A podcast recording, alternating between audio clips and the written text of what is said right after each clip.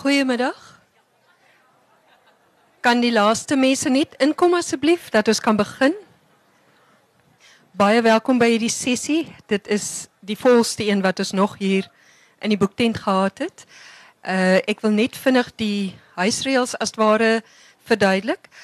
Na die gesprek moet almal asseblief by of hierdie deur of daai deur uitgaan, uh gesels met die sprekers of so, gesels asseblief met hulle buite dat die saal net weer kan reggemaak word vir die volgende sessie. Uh skakel asseblief alle selfone af. En uh hier is boeke om te koop net hier om die hoek. Um, en hier sal Francis Galloway wat die samesteller van die boek is, sal ook teken as enigiemand van julle uh graag handtekeninge wil hê. Dan gaan ek nou die sprekers aan die woord stel voor ek dit doen. Die formaat van die gesprek is 45 minute gaan die paneel gesels en dan is daar 15 minute vir vrae. Ek sal die uh, luidspreker neem na wie ook al wil 'n vraag vra, so jy kan maar net die hand opsteek. Nou ons sprekers vandag is op hierdie punt Karen Schimke. Sy is 'n digteres en sy het in 2014 het sy die Ingrid Jonker prys gewen met haar bundel Bear and Breaking. Ek vermoed bear spreek ek nie reg uit nie, maar dit is bear wat kaal beteken. So dit gaan baie interessant wees om vanuit haar oogpunt wat eintlik dan in die Engelse uh poësiewêreld in Suid-Afrika funksioneer om haar uh, indrukke ook te kry van die van die boek wat ons bespreek. Dan Francis Galloway wat die geweldige taak gehad het om die boek saam te stel, ook in samenwerking met Carina Brink, uh Andre P Brink se uh weduwee. Uh Francis is Dr. Francis Galloway. Sy het aan die Universiteit van die Vryheid gestudeer. Doktersgraad daar ook behaal. Sy het 'n baie lang CV wat jy gerus op Google kan gaan lees, maar sy is nog haar lewe lank in die akademiese wêreld en sy's 'n baie bekende en 'n baie bekwame navorser. En dan ons uh, gesprekbegeleier is Fourie Botha van die uh, uitgewery Umuzi. Hy is self 'n digter, so dit maak dit ook heel paslik wat Ingrid se deel van die gesprek betref. Uh, baie dankie julle en dankie. Baie dankie. Um ek staan in vir Corneels Breitenberg, um wat nie kon wees vandag nie. Ons dink aan Corneels. Um so Corneels het wonderlike vrae saam met julle uitgewerk oor baie weke wat ek nou gaan ignoreer want dit is baie ingewikkeld. So ek dink dalk moet ek net uh, begin om te te sê dat ehm um, die laaste keer toe ek vir Andre Brink gesien het voor sy dood was ehm was by sy huis saam met Karina en ehm um, ek het daar gesit en Andre was op daai oomblik ehm op daai stadium besig om 'n uh, om 'n roman te werk. Die roman se titel was sou goudstof wees. En ek het daar gaan kuier om te hoor hoe dit met hom gaan. En op 'n call het Karina met drie ehm um, breinkoeverte daar aangekom. En ehm um, en dit vir my gegee en Andre het vir my gesê dis die dis die liefdesbriewe van van hom en van Ingrid Jonker en ehm um, stel ons nie belang om om dit te publiseer nie. So dit was uh in Desember 2014. Ja. En nou 'n uh, hele paar maande later sit ons met 'n baie groot boek. Ehm um, Francis was my juffrou op universiteit, so ehm um, toe uh toe bring hierdie briewe aan my oorhandig en ek begin bewe en ek weet nie wat om te doen nie. Toe bel ek my juffrou en ehm um, ons moet nou 'n boek maak.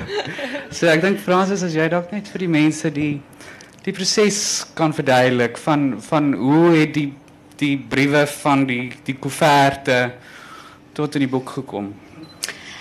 Dankie. Ehm um, ek dink dit was seker omtrent nou presies 'n jaar gelede. By daai fonteintjie daar voor die plataan waar die ja. boeke verkoop word. Het ehm um, Fourie vir my gesê, "Gaan jy help?" En toe sê ek, "Ja, maar ek is nie so seker of daai briewe gepubliseer moet word nie." Maar as jy my as 'n raadgewer kan gebruik, dan um kom ons gesels daaroor. En toe op um 7 April was daar by Penguin Random House by Umuzi se se baie stylvolle um kantore in die Oscar Wilde kamer 'n gesprek waar Karina ingekom het en um en hierdie koeverte uitgehaal het en dit op die tafel gesit het en vir dit dadelik aan ons koppies koffie weggevat het en gesê het, dit kan nou nie oor hierdie briewe val nie. En ek moet vir julle sê iemand mense het my al gevra hoe het ek gevoel toe ek die briewe die eerste keer gesien het. Sy het uitgehaal en stapeltjies neergesit op die en ek kon met sien met hoeveel eerbied Karina die oorspronklike briewe van Ingrid wat op blou deurskynende papier dink mense noem dit onion skill dis soos blou vlinders het hulle uitgehaal uit hierdie koeverte en ek wil dit lieweste nie probeer verwoord wat dit aan my gedoen het nie Ek was so geraak deur die brose materialiteit van die briewe wat deur die jare 'n mitiese bestaan gekry het. Want hulle was mos nie regtig nie, hulle het nie regtig bestaan nie. So daar daardie dag het ons gepraat oor hoe rangskik 'n mens hierdie briewe? Wat moet dan gebeur? Dit moet geskandeer word want jy kan nie hierdie goed hanteer nie. Dit gaan dit gaan seer kry. Dit moet dan getranskribeer en oorgetik word. Deur wie? Aan wie gee mens goed en weet dit is veilig? En dit verdwyn nie. Wat gaan met redigering gebeur? Gaan 'n mens 'n bietjie kyk nou hoe jy doen of nie doen aan hierdie briewe. En dan natuurlik die vertaling. Van die begin af was daar die klem op die integriteit van die proses. Geen inmenging met die materiaal en dit moet veilig bewaar word. So, die mense wat uiteindelik daarbey betrokke was, was nou naas my wat nie eintlik geweet het presies wat ek gaan doen nie, het uh Karina was die een wat die briewe wat apart bewaar was in 'n boks vir 50 jaar bo in Brink se studeerkamer waar sy studeerkamer ook al was uit die koeverte te haal en hulle kronologies te rangskik.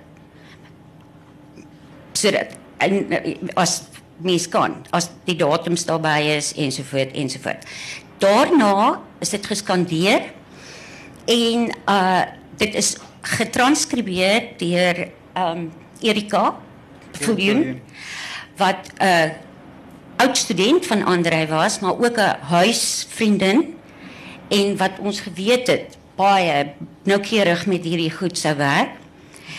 En uh op ja, ek dink dit was op um 4 Junie het ek die tekskrif het jy vir my die tekskrif aan my oorhandig. Waar kan julle sien, min of meer so iets is wat daar op die tafel daar lê. En ek het al die oorspronklike briewe gehad soos hulle geskandeer was en dus elektronies beskikbaar op my rekenaar. Ek wou en Andre se briewe het ek fotostate van gehad, so 'n dik pak. Goed. So, Karina en en uh en Erika het hulle werk gedoen. Nou moes ek lees en aanbevelings maak. Intussen tyd is daar dadelik besluit dat daar 'n vertaling van die briewe moet verskyn. En ook met beraadslaging het ons gedink twee stemme is goed. 'n Man wat Andre se briewe vertaal en 'n vrou wat Ingrid se vertaal. En dit is hoe um, hoe ingekom het met die vertaling van Ingrid se werk Leon de Kok met uh met Andre se briewe en uiteindelik sou Linda Gielfelin as 'n redigeerder al hierdie hierdie vertalings bymekaar sit om te kyk hoe kom dit stem dit ooreen gebruik hulle dieselfde terme sê jy mommy of mother of hmm. wat ook al die interessantheid was van die Engelse vertaling en daarmee gaan ek op is dat die drie vertalers het op drie kontinente Ja. gewees. Sy in Kaapstad, Leon in Amerika en Linda in Australië. En ek in die middel op Pringle Bay. Drie tydsones waaraan niemand hulle hulle gesteer het nie en ek het enige tyd van die dag of nag 'n ding gekry en sê wat dink jy is jou in heel 1. Wie is Pipi de Vier? Enzovoort, enzovoort. So, dit is die mensen en een wonderlijke span. Carina verwijst naar ons als die vlammetjes. um, ehm, Karen, kan jij dan vertellen hoe, hoe jij gevoel hebt toen jij die eerste stukken goed kreeg om te vertalen? Ik denk, ons was allemaal totaal verstom over die hoeveelheid brieven wat daar was. Ik denk, dit heeft ons allemaal een beetje gegooid. Um, ehm, o- oor die 200 Francis? Ja, oor die 200 briewe. Bladsye en bladsye briewe uh, geskryf binne 'n tydperk van 3 jaar. So toe jy daai briewe vir die eerste keer begin lees het, kan jy kan jy 'n bietjie vertel hoe hoe het- hoe dit gevoel en hoe jy hoe, hoe het jy net- hoe die hoe het jy die vertaling benader? Ek bedoel, wat het deur jou kop gegaan? Ek het die vertaling aan die begin absoluut koelbloedig benader. Ek het dit was net werk wat gedoen moes word omdat ons 'n baie kort sperdatum gehad het. Ek dink ons het 6 weke gehad om te vertaal. So my eerste gevoel was ek is verlig dat ek net Ingrid se se briewe doen. Um en die tweede ding wat ek gedoen het is ek het die woorde getel en ek het die dae uh getel en ek het gedink hoeveel woorde moet ek per dag doen en ek het sulke geel um post-it notes op elke dag op my op my uh, muur gehad net bo my rekenaarskerm om te sê hoeveel woorde moet ek daai dag klaar kry. So aan die begin het ek dit absoluut koelbloedig net soos nog 'n job benader want ek het nie tyd gehad om aan enigiets anders te nie. Maar dit was winter en um O, en die ander ding wat ek moet bysê is ons het nie eers tyd gehad om al die briewe te lees. Dit het my nogal bietjie paniekbevange gemaak. Ek het gedink ek weet nie hoe kan ek hierdie hele ding benader sonder om eers alles deur te lees maar daar was eenvoudig nie tyd nie. Um maar omdat ek net daai werk moes doen in daai 6 weke, het die taak my absoluut ingesluk en dit was ek kan nou nog nie onthou van enigiets anders wat in daai tyd gebeur het nie en ek dink dit was dalk skoolvakansies, maar ek kan nie eers onthou dat my ek my kinders gesien het nie en hulle moes daar gewees het. Um en dit was winter en ek onthou 'n serp en 'n um en klein verwarmer wat by my voete gestaan het. En dit het gevoel asof ek absoluut in 'n tonnel is en ek het net begin vertaal, net begin. En um die briewe is so aangrypend dat ek aan die einde van elke dag is dit amper moeilik om om op te hou alhoewel ek uitgeput was en moeg was. Dit is amper moeilik om op te hou want ek wou so graag weet wat gebeur volgende. En die ding is ek het nie tussenin Andre se briewe gelees nie. Ek het hulle eers aan die einde gelees toe ek Leon se se teks gekry het. Um en dit was dit voel vir my asof ek absoluut in hierdie bubbel was met die reën teen die vensters en met my serp en met my um my my woordeboeke en so aan. En ek het amper elke nag van Ingrid en Andre gedroom.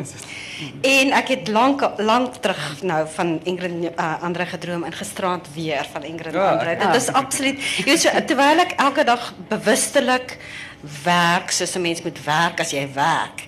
In my onderbewuste is hierdie jy weet is hierdie verskriklike goed aan die gang wat my wat my regtig geraak het. So dit was dit was 'n verskriklike interessante aan proces. En hmm. ik, ik, denk, ik denk dat is het beste werk wat ik nog ooit gedaan heb. Dat is het lekkerste werk wat ik nog ooit gedaan heb. Ja, ik denk dat allemaal voel zo half dat... Als zo'n boek op je pad komt, je weet waar je nou, wat, wat komt hierna. Um, Francis, dat moet je net een beetje gezels over... Um, ehm, weet, hoe, hoe benader je nou zo'n brieven? Ik ehm, bedoel ons het heel vroeg al hmm. gewonnen. weet hmm publiseer jy nou alles? Maak 'n uittreksel? Moet jy goed uitlos? Moet jy jy weet goed sensureer? Is daar sensitiwiteite? Daai tipe van goeder, so daar kan jy 'n bietjie daaroor ook gesels. Ja, dit was toe nou my werk. Toe ek nou daai uh tekskrif kry in die klomp briewe, het ek begin lees.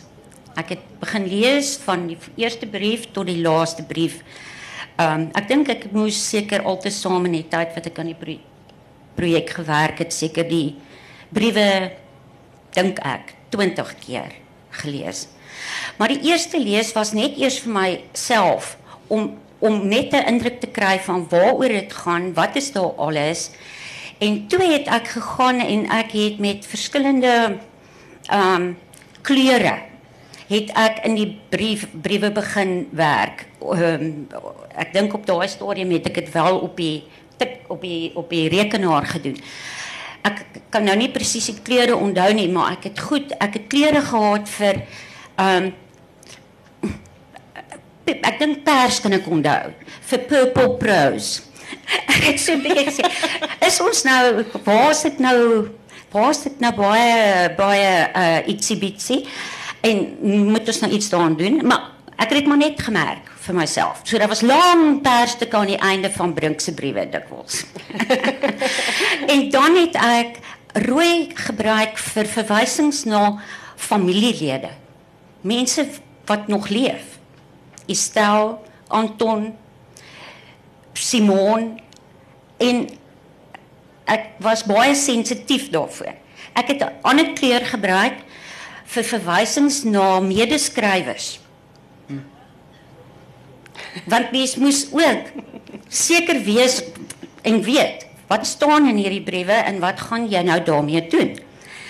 En en dan as die skrywer nou oorlede was, is dit 'n ligter groen en as die skrywer nou alreeds nie meer met ons is nie, was dit 'n donkerder groen. En so het ek um ja, en toe terselfdertyd het ek ook 'n ander kleur gebruik vir wat hulle noem nuus. Wat se nuus het jy vandag? Dit is baie interessant want hoe die briewe ook saamgestel is. En dan 'n ander kleur vir verwysings na ander tekste of aanhalings. En dikwels was dit verkapte aanhalings of dit was ek sal later daaroor praat of gedeeltelike aanhalings. Soms noem hulle die bron soms sê hulle watter skrywer hulle na verwys maar die meeste van die tyd nie. Want albei van hulle het geweet na wie hulle verwys. Albei het geweet hulle hulle het nie akademiese briewe vir mekaar geskryf nie. Hulle het dieselfde goed gelees maar dis ek wat nie altyd geweet het nie. So, nou ek dit gedoen het, het ek dit vir um vir vir het ons weer bymekaar gekom. En ek het gesê ek is baie jammer, dit gaan 'n baie dik boek wees, maar ons kan absoluut niks sny nie. Ons kan nie. Dit gaan die narratief versteur. Dit gaan die integriteit van die briewe versteur. Hierdie twee mense wat mekaar ontmoet het op 'n aand toe hulle 'n petisie geteken het teen die nuwe sensuurwet Hoe kan ek nou daar met my gekleurde penne nou sê, haal hierdie pers uit of haal daardie groen uit of haal. Dis dis alles of niks. Ja, kyk, ek dink Fransis, ek dink deur die hele proses almal was so half bewus dat mens met persoonlike dokumente werk, jy ja, weet, en ehm um, ehm um, jy weet wie is ons nou om hierdie mm -hmm. dokumente te publiseer? Ehm um, so waar dink jy op op watter stadium van die geveg het jy so half besluit dat dat die pers stukkies dat die ander kleure so half baie meer weeg as die die paar pers stukkies. Um baie gou. Baie gou.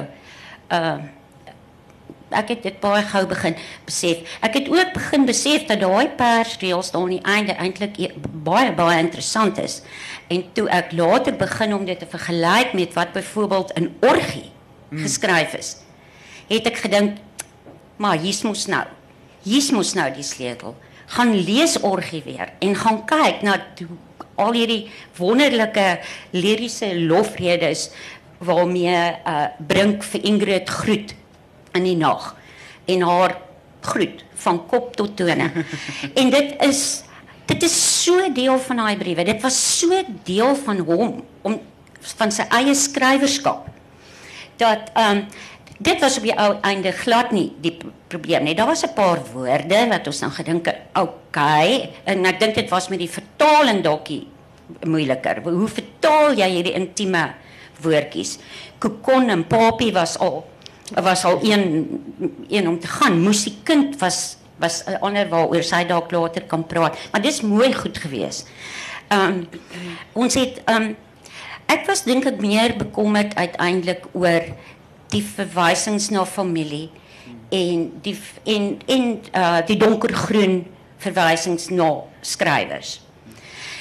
En ja, ons het baie met Karina saamgewerk en sy was die hele tyd saam met ons die pad want sy was die een wat moes skakel wat ook geskakel het met Estel wat geskakel het wat vir ons die buffer moes wees met Anton. Uh jy kan dalk vertel hoe Simon betrokke was. Ja, um, kyk, heel aan die begin moes ons jy weet iemand moet vir jou toestemming gee om Ingrid Jonker se te publiseer. Daar's kopiereg op die goed en ehm um, so ons het deur deur Greg Marsh gewerk wat ehm um, wat aan stuur van sake staan van die Ingrid Jonker Trust. So ek bedoel ehm um, die tantieme van die boek byvoorbeeld word ook tussen die twee ehm trusts verdeel. Ehm maar maar Simon se prokureur het byvoorbeeld gevra dat sy die die manuskrip net wil sien en wil lees. En um, en Simon is nou nogal Simon is vreeslik ondersteunend van die projek en ek dink Karen jy moet sê ehm um, jy weet gesprekke wat ons na die tyd toe nou met Simon gehad het oor hoe sy haar ma half nou weer leer ken het deur hierdie briewe en hoe sy ehm die liefde vir die ma ervaar of haar ma se liefde vir haar ervaar het reg eintlik maar vir die eerste keer deur te sien wat hoe hoe Ingrid oor haar skryf, né? Mm. Mm. Ek moet sê een van die groot perks van hierdie job was dat ons elke nou en dan by Karina by die huis gaan eet het en sy kook baie goed. Ja. En ons het verskriklike lekker aande gehad daar en um, en Simone was ook daar. Ek dink die eerste keer, ik heb storie story geschreven of 'n onderhoud gedaan met Litnet. Uh, net na een van ons etes bij Karina, En net daarna het Carina uh, um, een beetje van um, Ingrid haren in een van die boeken gekregen. In een van, uh, wat is die benoemde naam? Roken Oker, ja. Um, en uh, ik heb de foto genomen daarvan. En... Um, ek het dit genoem in een van my artikels. Ek weet nie wat dit net was nie. En Simone het ehm um, net daarna het ek vir Simone iewers gesien en toe sê sy vir my sy is vreeslik geraak deur die feit dat hier 'n stukkie hare van haar ma is wat sy nie weet wat sy nie geweet het bestaan nie en sy het niks van haar ma nie. Toe skryf ek vir Karina en toe sê ek vir haar ek het vir Simone gesien en sy het dit gesê. Toe nooi Karina vir Simone om by haar te kom tee drink en sy het vir haar 'n bietjie van die hare gegee wat ek dink 'n wonderlike backstory is. Um en daarna is is Simone ook genooi en ons het 'n paar keer um uh, geëet by by Karina. En Simone se ehm um, ek dit was ook ehm um, die Engels. Ek dink dit is die Engels wat sy die eerste heel eerste keer gelees het en sy's gemakliker in Engels. Ehm um, en sy het gesê dit het haar verskriklik geraak en sy's veral geraak deur die feit dat sy gevoel het hoe baie baie lief was haar ma vir haar. En terwijl ik bezig was om te vertalen, was het een van die sterk gevoelens wat ik gekregen heb. is die absolute liefde wat zij voor haar kind heeft. En zij is een ehm, ehm, fallible. Wat is fallible in Afrikaans? Ekskuus. Ja, fallible. Fallible ma. Fallible ma. Jy weet sy sy maak ja. foute en sy's nie altyd daar nie en sy en jy weet en sy vergeet baie keer vir Simone by die by die skool en daai tipe van goed. Maar haar liefde en Andre se liefde vir hierdie kind was um lees 'n mens amper op elke bladsy en dit was vir Simone wonderlik. En dit voel ek dink wat hierdie projek dit is my um persepsie daarvan. My gevoel is dat hierdie projek vir Simone verskriklik baie beteken het in die sin dat sy antwoorde gekry het vir goed en laat sy 'n deel gevoel het van van van die proses. Um en laat sy vir ons leer ken het en haar ma leer ken het op 'n nuwe manier. Francis, um kyk maar die die boek gee ook 'n ander beeld oor hoe ons na Brink kyk en hoe ons na Jonker kyk. Ja, het het dit het jou beeld byvoorbeeld want jy het my nou net vertel Brink was jou promotor met jou D. Nee, daarom nie. Hy is my eksaminator wat erger is. so, jy ken hom nou al so lank. So lank. Hoe ja. hoe het jou blik op hom verander? Hmm. OK. Ja, interessant. Ek het ek en Andrei was nie persoonlike vriende nie. Maar hy kom 'n baie baie lank pad. Ek, ek was 'n tweedejaars student in 1969 aan die Vrystaatse Universiteit toe ek 'n uh, 'n uh, openbare lesing wat hy moes hou by die universiteit gereël het. En dit was 5 jaar na 4 jaar na Ingrid se dood. En Andre was by Soekos waar van sy toneelstukke opgevoer is. Dis waar hy ook vir Alta ontmoet het met wie hy later getroud is. En ek onthou 'n groot saal vol studente en mense. Hier stop hierdie blankskraal man met sy swart klere en lang ponytail of lang hare in met kettinge om sy nek. Hy was so 60 as wat ek in my lewe. En daarna het um het ek hom in 1971 by die 60er somerskool in Kaapstad het ek hom en verbreiding vir die eerste keer ontmoet en het hulle 'n rol begin speel ook in my lewe. Hy was later my eksaminator. En deur die jare het ons mekaar kontak met mekaar gehad. Maar my beeld van Andrei Brink was teen die tyd dat ek die briewe begin lees het. Dit moet ek ook sê. Ek dink 'n Forele het my gevra om betrokke te raak by die projek omdat ek nie um vested interest gehad het nie. Ek is nie 'n Andrei Brink navorser of 'n Ingrid Jonker navorser mm. en dat ek daarby vir myself iets sou wou. Dis iets anders om my te vra om iets oor te doen.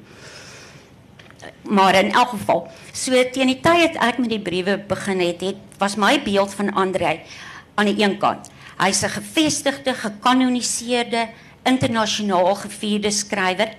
En aan die ander kant het ek kom deur my navorsing oor Breiten leer ken as 'n literator met wat ek genoem het 'n seebel literatuur uh opvatting gehad het veral in daai 70er jare tydens die verhore van sy polities grensoorskridende vriend Breiten Breitenbach.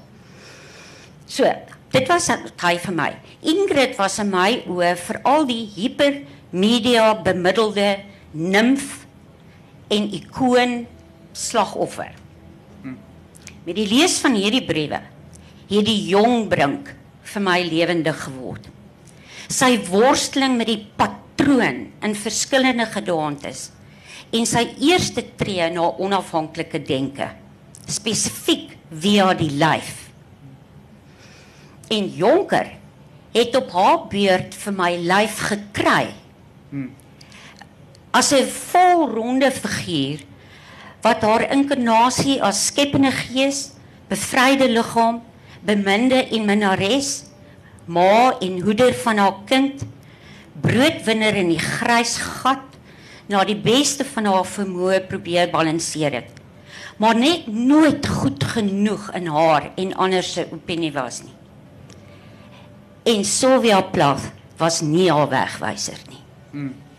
Ja, daar was ek ons kon niks opspoor van Plath in die briewe nie. Ja. Nee, ons het nogal hard gesoek. Geen verwysing in in 'n baie diggeweefde teks vol aanhalings kon ek soveel Plath nêrens raak lees nie. En Karen, uh, toe jy nou so baie intiem met die met met Jonker se briewe gewerk het, ehm um, hoe hoe het, het het jou blik op haar verander? Was ehm um, Ehm um, ja, ek dink so sy het is ek ek dink jy sê dit jy sê dit goed, sy het lyf gekry in hierdie in hierdie ehm um, in hierdie briewe. Mense het altyd die idee dat sy 'n slagoffer was op 'n manier en laat sy ehm um, laat sy op 'n manier gewag het om gered te word. Ehm um, en dit is glad nie die indruk waarmee ek weggekom het nie. Ek dink sy sy is 'n verskriklike ehm um, heldin van haar eie lewe eintlik. Sy het baie min gehad om mee te begin. Allerhande goed het na pad gestaan. Sy wou graag geswat het en sy kon nie. Jy weet sy sy kon dit net nie swat nie. Sy het 'n sekretaresse geword en sy het hierdie verskriklike ehm um, besige brein gehad en hierdie enorme kreatiwiteit. En sy het hierdie sielsdodende werk gedoen hmm.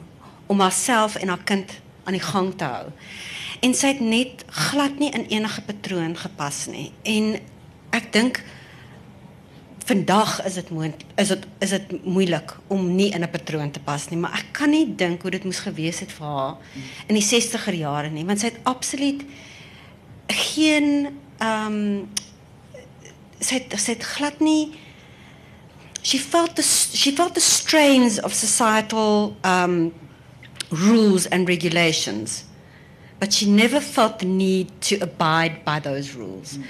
En ek dink dit moes vir haar verskriklik moeilik gewees het. Um en um ek dink sy wou baie graag laat dinge uitwerk met Andre en dit sou haar lewe dalk 'n bietjie makliker gemaak het soos wat dit is as 'n mens getroud is en jy het iemand anders om jou te help. Um maar ek dink nie sy het 'n redder gesoek nie. Sy was elke dag as sy opstaan en op haar bus klim om werk toe te gaan en vir Simone by die skool af te laai, was sy haar eie redder. En die idee dat sy 'n slagoffer was, het vir my heeltemal verdwyn. Interessant. Um wil julle iets sê oor die oor hoe die briewe die styl van die briewe verskil. Ek dink uh, mense sê dit nogal dit was nogal 'n ding wat ons oor gesels het met die vertaling ook. Jy weet ehm um, ja. Brink se briewe was hierdie die lang briewe met die lang hand geskryf, bladsy en bladsy vol. Sy het haar briewe baie keer getik op die blaadjies. Mm. Ehm um, so die goed lyk ook so half. Hulle lyk heeltemal verskillend. Mm. Maar die die styl is anders. Ehm um, baie mense het nou al kommentaar gelewer op op Brink en mens moet ook net onthou hy was hoe oud was hy 28. Ja, nie eers volle. So jy kan hom ook 'n bietjie sentimentaliteit vergewe. Jy weet maar baie mense uh, merk op dat die briewe Brink se briewe sentimenteel is. Um iets wat ons nie regtig in in Ingrid, jy weet dis nie dieselfde tipe van kritiek wat hulle op Ingrid se briewe het nie. So so sou jy sê sy was emosioneel dalk meer volwasse as Brink op daai stadium al het hy al hierdie boekkennis gehad en die boekgeleerdheid ek is dit nou Die indruk wat ek gekry het is dat sy baie minder op hom geprojekteer het as wat hy op haar geprojekteer het. Goed. Ek dink ehm um, ek kry ek het die hele tyd die gevoel gekry dat sy uh, en ek dink Fransis jy kan meer hieroor praat. Hy was uit uh, hy was besig met die uh, om om die ambassadeur te skryf. En Ingrid was uh was 'n werklike mens wat skielik ingestap het toe hy in die middel van hierdie boek was, um waarin daar 'n karakter is wat net soos Ingrid is of moet wees en dan ontmoet hy haar. En ek dink daar was hy hy wou hy wou gehad het sy moet daai ding vir hom wees en sy was 'n ek dink jy het gesê 'n katalisator vir hom. Hmm. Um op 'n manier. Sy het hom absoluut bevry van allerlei goed. Um en hy het 'n baie minder dink ek daai effek op haar gehad. Um en die styl is ek meen partykeer is sy briewe verskriklik hoogdrawend en pretentious en en sy is net absoluut plat op die aarde en sy skryf oor die goed wat voor haar is en wat met haar gebeur.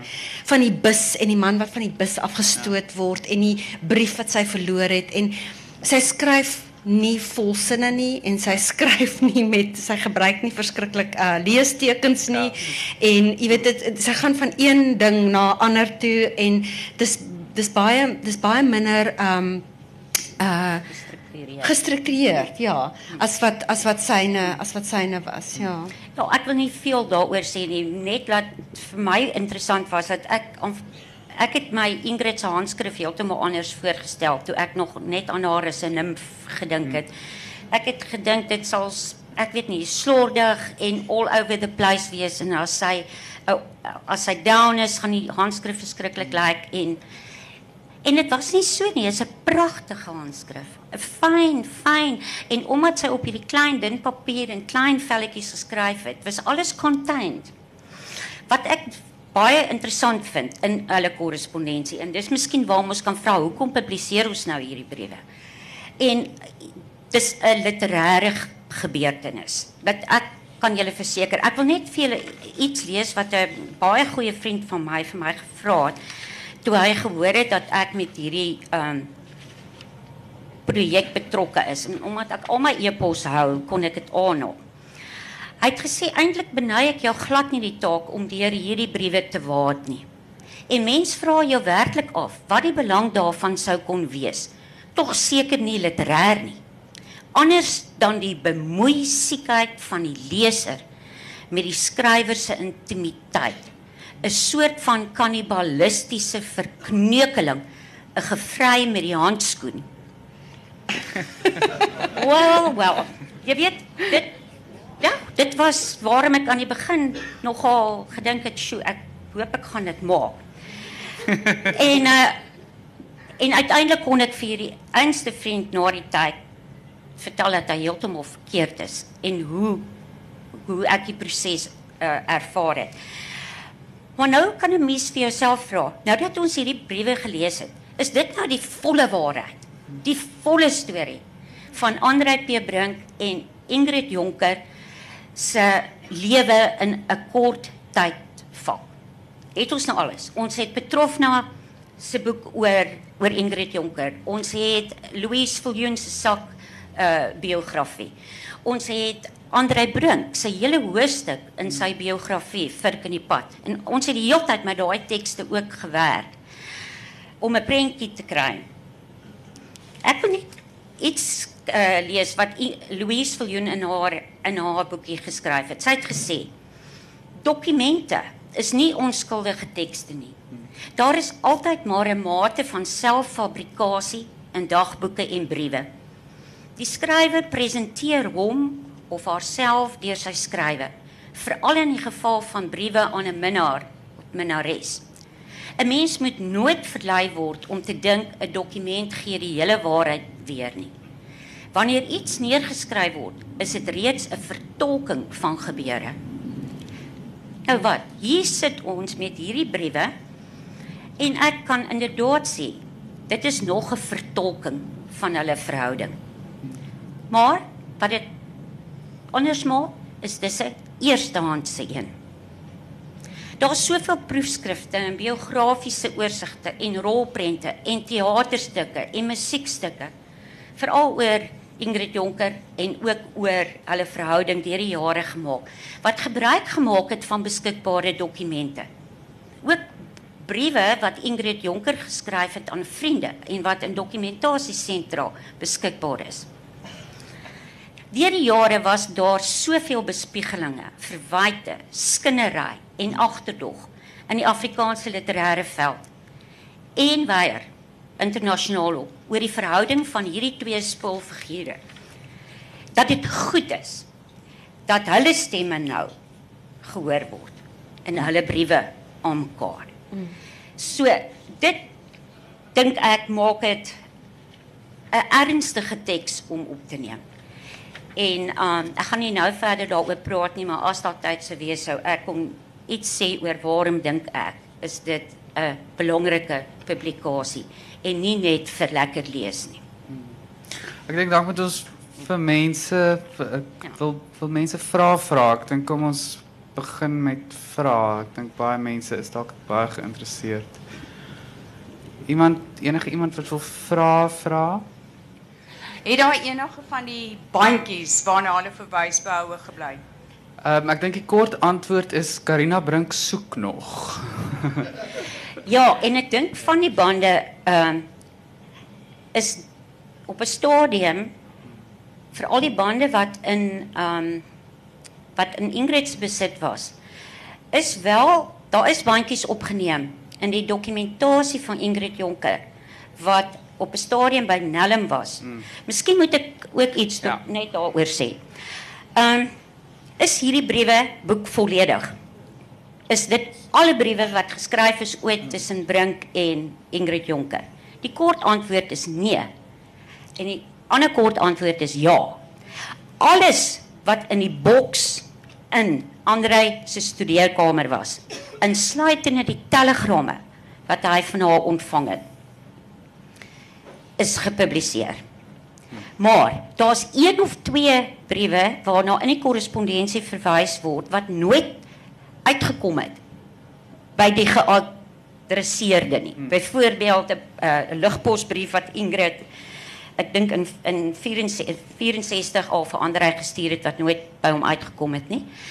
Dan is daar 'n paar briewe wat hy vir haar ges, ja, die volgende vraag is: Waar kom Andre se briewe vandaan? Andrei het deurslagpapier gebruik om sy briewe Ons het op 'n stadium selfs navorsing gedoen om te kyk of daar in 1964 al 'n Xerox masjien sou gewees het op by by die Universiteit Graamsstad. Nee, hy het met deurslagpapier gewerk. Bloutjies word dit iewers in een van die briewe genoem. Hoekom hy dit gedoen het? Hy was 'n skrywer. Soos wat hy elke dag dagboek gehou het. Goed, so dis een. Paar briewe wat nie opgeneem is nie, is 'n klompie briewe 16 om presies te wees wat hy aan Ingrid Jonker geskryf het terwyl sy al reeds oor see was voor hy by haar aangesluit het in 64. Dis duidelik dat hy nie van die briewe afskrifte gehou het nie. Hy's nie hier, ons kan nie vir hom vra hoekom nie. Maar daardie briewe is dus gepos. Dit behoort dus mos in Ingrid Jonker se dokumentasie te wees. Na Ingrid se dood het haar suster Anna Jonker Bairos eerste uitgekom by Ingrid se dokumentasie. En sy het self later vertel hoe sy van Brink se briewe opgeskeur was het omdat dit pornografies is en nie van literêre waarde nie. Jack Cope was later die kurator van Ingrid se se nalatenskap en hy het in 19 uh ek moet nou vinnig onthou. Hy het 13 jaar na haar dood het hy hierdie dokumente wat hy georden het het hy na NELM die National English Literary Museum in Graamsstad geneem.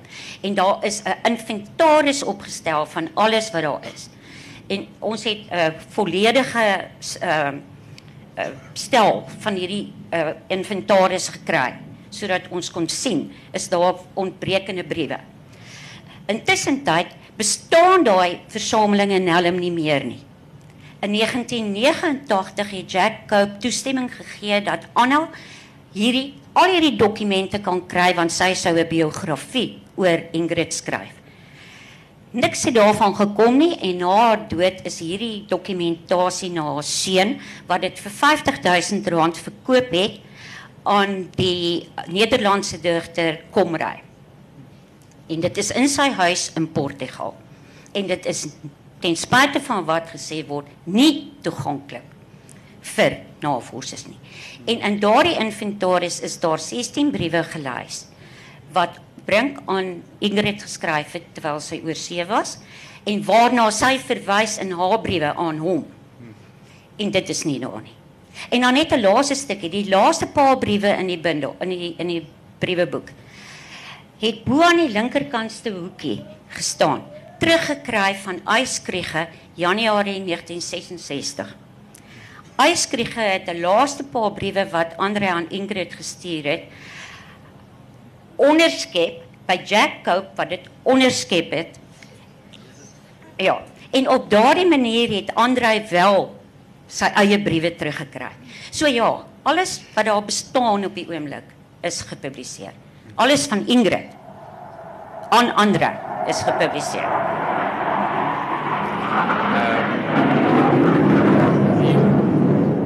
Maar ons weet nie wat op die bandjie staan nie. Bandjies, Dit- bandjies. Dit is die ander storie, eh, manier eh, rede waarom die hele verhaal van hulle verhouding ook nog steeds nie volledig is nie.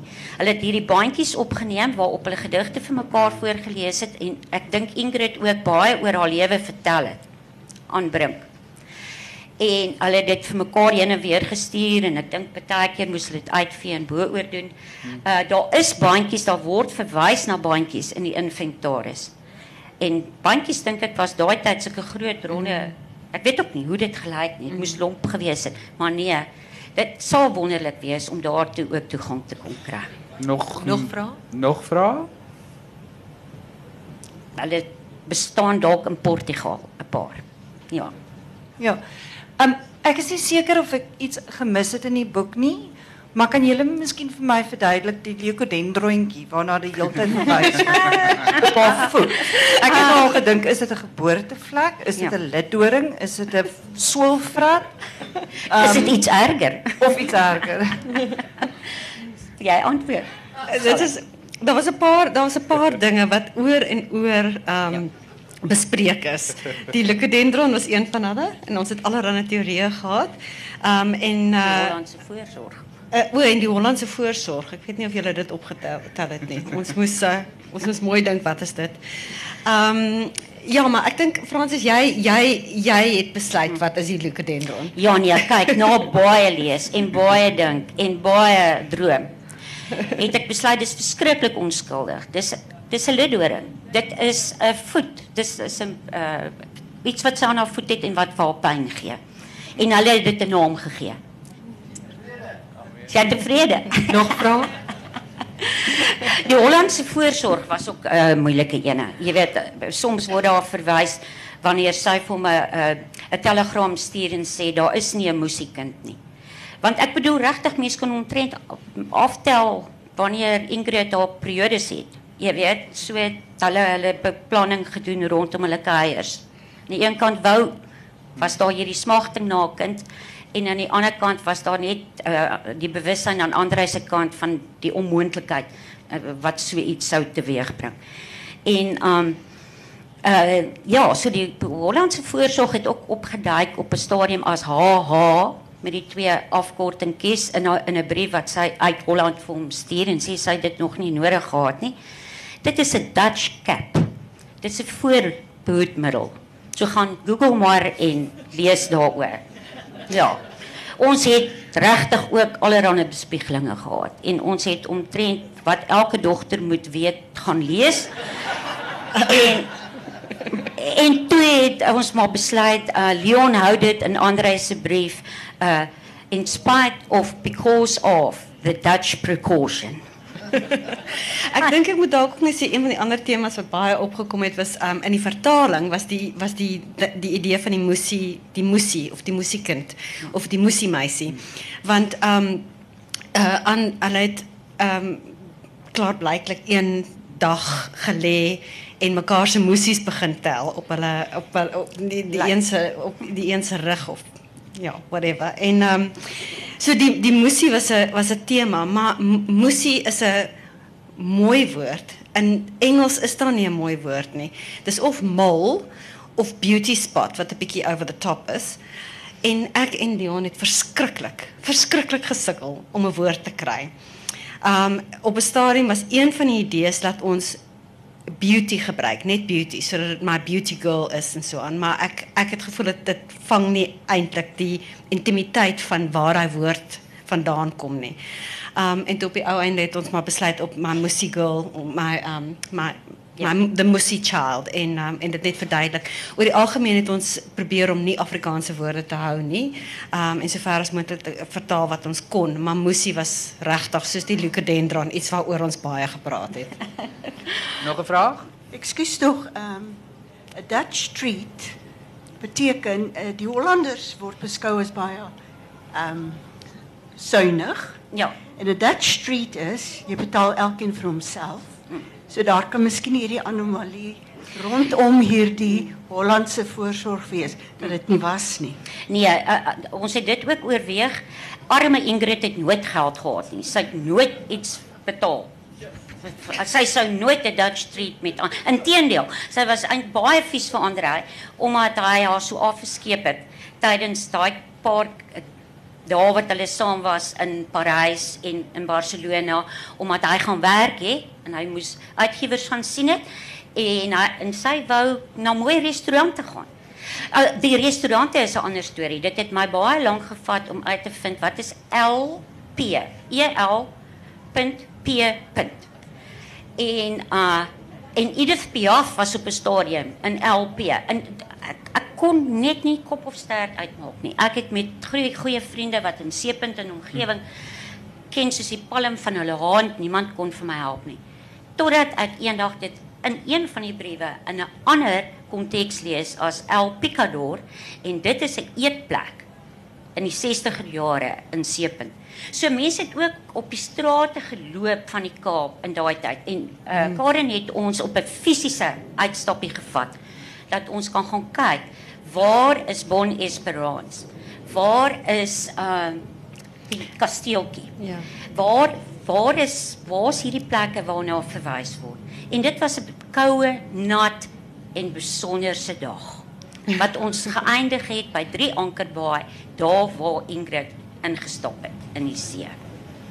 Ons drie nat gereende vroue. Nog vrae? Betrof nog. Gaan jy ons net iets vra nie? Lisa se vrou? Ja, ek wil net graag twee saakies. Ehm ek het uh, Andrei P Brink as baie gereserveerd ervaar toe ek in die 60er jare die 60ers met studente by Tikkies behandel. Daar moet ek nader praat. Uh hy was my 'n gereserveerde mens. Uh omdat ek hom nooit persoonlik ontmoet het nie. Daarom was dit vir my hierdie tienerjarige verliefdheid op Ingrid van haar weet ek baie min. Sy was nooit deel van my Ja. boeke wat ek moes behandel nie. Maar ek dink hy kyk daai manuskrip wat hy vir haar gestuur het. Wat sy eintlik lyk my nooit gelees het nie. Ek het nie ek is nog nie Ja, so ver of die ambassadeur? Die ambassadeur. O nee, sy het. Dit dit is maar in elk geval die Ja. die MS die manuskrip. Ja. Maar ek het nou so met daai ou tong in die kiesie ou woordjie wat hy haar nou noem op die ou liefdesplekkie. Ja. Jy weet as jy nou 'n boer is, Ja. 'n eier Ja. en 'n kuiken, Ja. het daai stippeltjie in wat die begin van lewe is. Mm.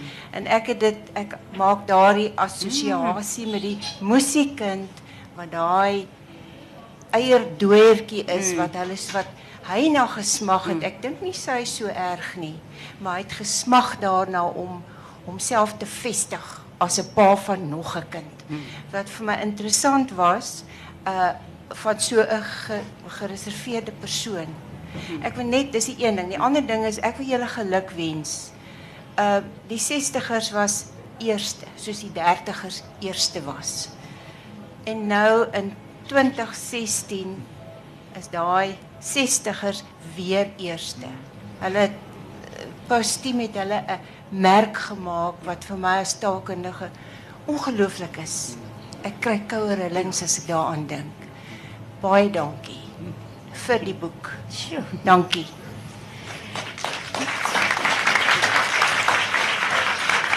Jy sal ons laaste vraag net van Petrofna neem. Dit. Ja, ek sien natuurlik ook baie geluk met die produksie van hierdie boek. Maar daar's een ding wat ek dink mense wat regtig belangstel sal wil weet en dit is iets wat nou vandag glad nie genoem is nie in die verhaallyn van die liefdesverhaal tussen die twee. En dit is Ingrid se reaksie op die laaste brief in die boek. Haar hele reaksie op die hele beëindiging van die verhouding is die begin van 'n hele nuwe verhaal. Absoluut. En uh daar is 'n brief wat sy geskryf het aan Bonnie Davids na die laaste brief van hierdie boek. Wat nogal absoluut tekenend is van die uh verstomming. En uh die algemene gevoel natuurlik veral by Anna Jonker was altyd dit was die begin van die einde vir haar. En Francis, eh, jij, is het, jij werd gezegd, niet hebt niet ingestapt. Ik denk nog altijd, dat ze een eh, interessante vraag, heeft zij. En eh, Herman van Ek Veen loop hier buiten rond. Hij doet ook allerhande fantastische, interessante dingen, wat nog zal gepubliceerd worden, zeker. Nee, ek is ek weet, daar loop mense rond wat nog verhale het. Ek bedoel Herman van Nazareth het nog nie sy storie vertel nie. Ek het met mense wat Ingrid intiem geken het in daardie tyd en iemand wat haar besoek het 2 weke voor sy dood is. 'n gesprek gehad wat nog nêrens opgeteken uh, daar was nie met hom 'n onderhoud gevoer byvoorbeeld deur uh, van 'n Merwe met uh, in die 77 nie wat ek interessant gevind het. Maar ja, natuurlik is dit die begin van 'n nuwe storie. Ons het ook gedink, moet ons het dit oorweeg, moet ons ook briewe opneem wat nie in die boks in Andrei se se studeerkamer was nie. Moet ons die gapings probeer opvul deur die briewe wat elders beskikbaar is, soos aan Bonnie op te neem.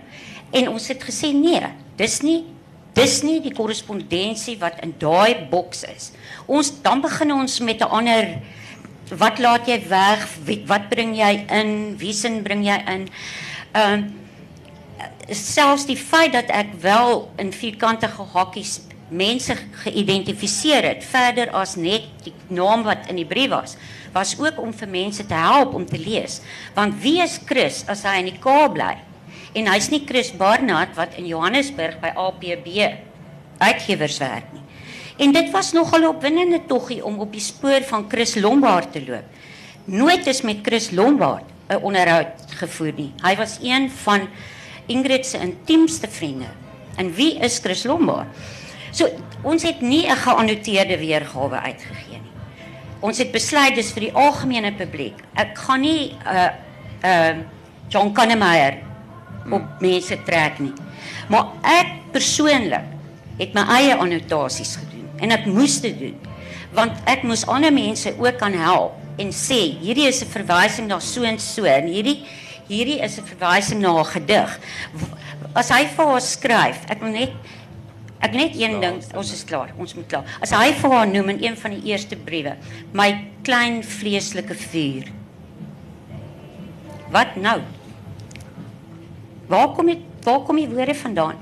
As hulle praat van hande wat mekaar vasvat, het geen gewig nie. Op hierdie verspotte plein is jy nie alleeniger nie. As 'n blaar en 'n boom as 'n voël in die wind of 'n bevryde skat. Erken julle die aanhalings? Dis mos letterkundiges hier. Ongelooflike aanhalings uit Yskrige se vertaling van Paul Eluard opgeneem in Eluard en die surrealisme wat ek aan piek gaan uitsoek het.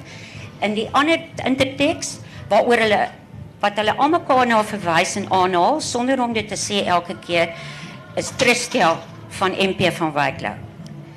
En tientalle ander digters. So daar is die werk vir die literatore wat nou moet ingaan in daai briewe en vir ons vertel waaroor het hulle vir mekaar geskryf en hoe wyd het hulle gelees en waarin watter gees staan hierdie boek tydsgees. Right, ek dink op daai noot kan ons afsluit. Baie dankie. Uh,